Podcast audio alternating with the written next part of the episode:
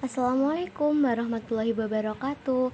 Hai semua, jumpa lagi di frekuensi 94 8 FM Radio Kebanggaan MTSL 5 Nganjuk.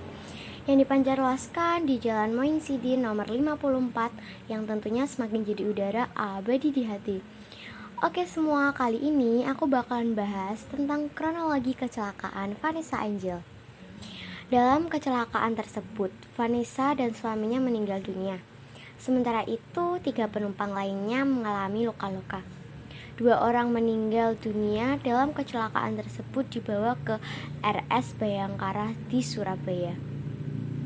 Sementara itu, tiga penumpang yang mengalami luka-luka dibawa ke RS Kertosono.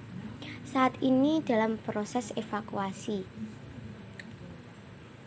Pada hari Kamis tanggal 4 bulan 11 2021 antara satu kendaraan Pajero Sport putih Nopol B1284 BJU.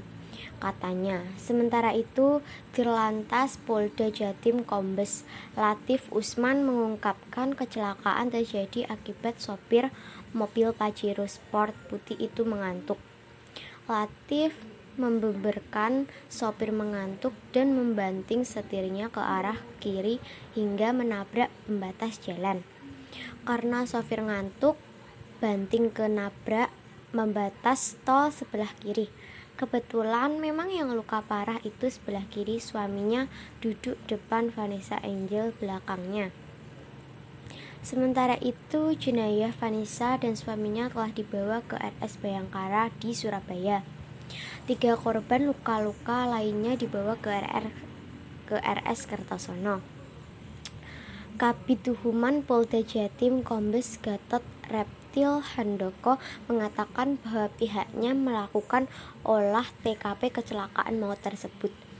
Kendaraan sedang olah TKP oleh teman-teman PJR katanya. Waktu kejadian kecelakaan terjadi sekitar pukul 12.36 WIB. Vanessa dan suaminya menunggangi mobil Mitsubishi Pajero Sport pada hari Kamis tanggal 4 bulan 11 2021 antara satu kendaraan Pajero Sport putih nomor polisi B1284 BJU kata Kabib Humas Polda Jatim. Mobil tersebut menabrak beton pembatas jalan hingga akhirnya terpelanting dan berputar ke jalur cepat sejauh 30 meter. Akibatnya Vanessa Angel terlempar keluar mobil sejauh 3 meter. Adapun posisi suami Vanessa Febri Adiansyah masih di dalam mobil karena ia menggunakan sabuk pengaman. Latif menduga Vanessa yang duduk di depan sebelah kiri dan mengenakan sabuk pengaman sehingga saat mobil membentur beton dan terlempar ke jalur cepat, ia ikut terlempar keluar. Melihat kerusakan kendaraan Latif menduga sopir memacu kecepatan di atas 100 km per jam. Namun, Direktorat Lalu Lintas Polda Jawa Timur dan pengelola jalan tol masih akan menyelidiki kecepatan mobil tersebut. Nanti kami lihat penggerakan kendaraan dari barat ke timur itu seperti apa. Termasuk meminta keterangan sopir saat kejadian ia kelelahan, mengantuk atau apa kata dia. Pemeriksaan sopir dilakukan setelah psikologi sang pengemudi tenang. Hingga sampai saat ini polisi belum berani memastikan sebab kecelakaan terjadi. Sementara ini kami hanya memperkirakan berdasarkan pengamatan kami atas kondisi kerusakan mobil, kata Latif.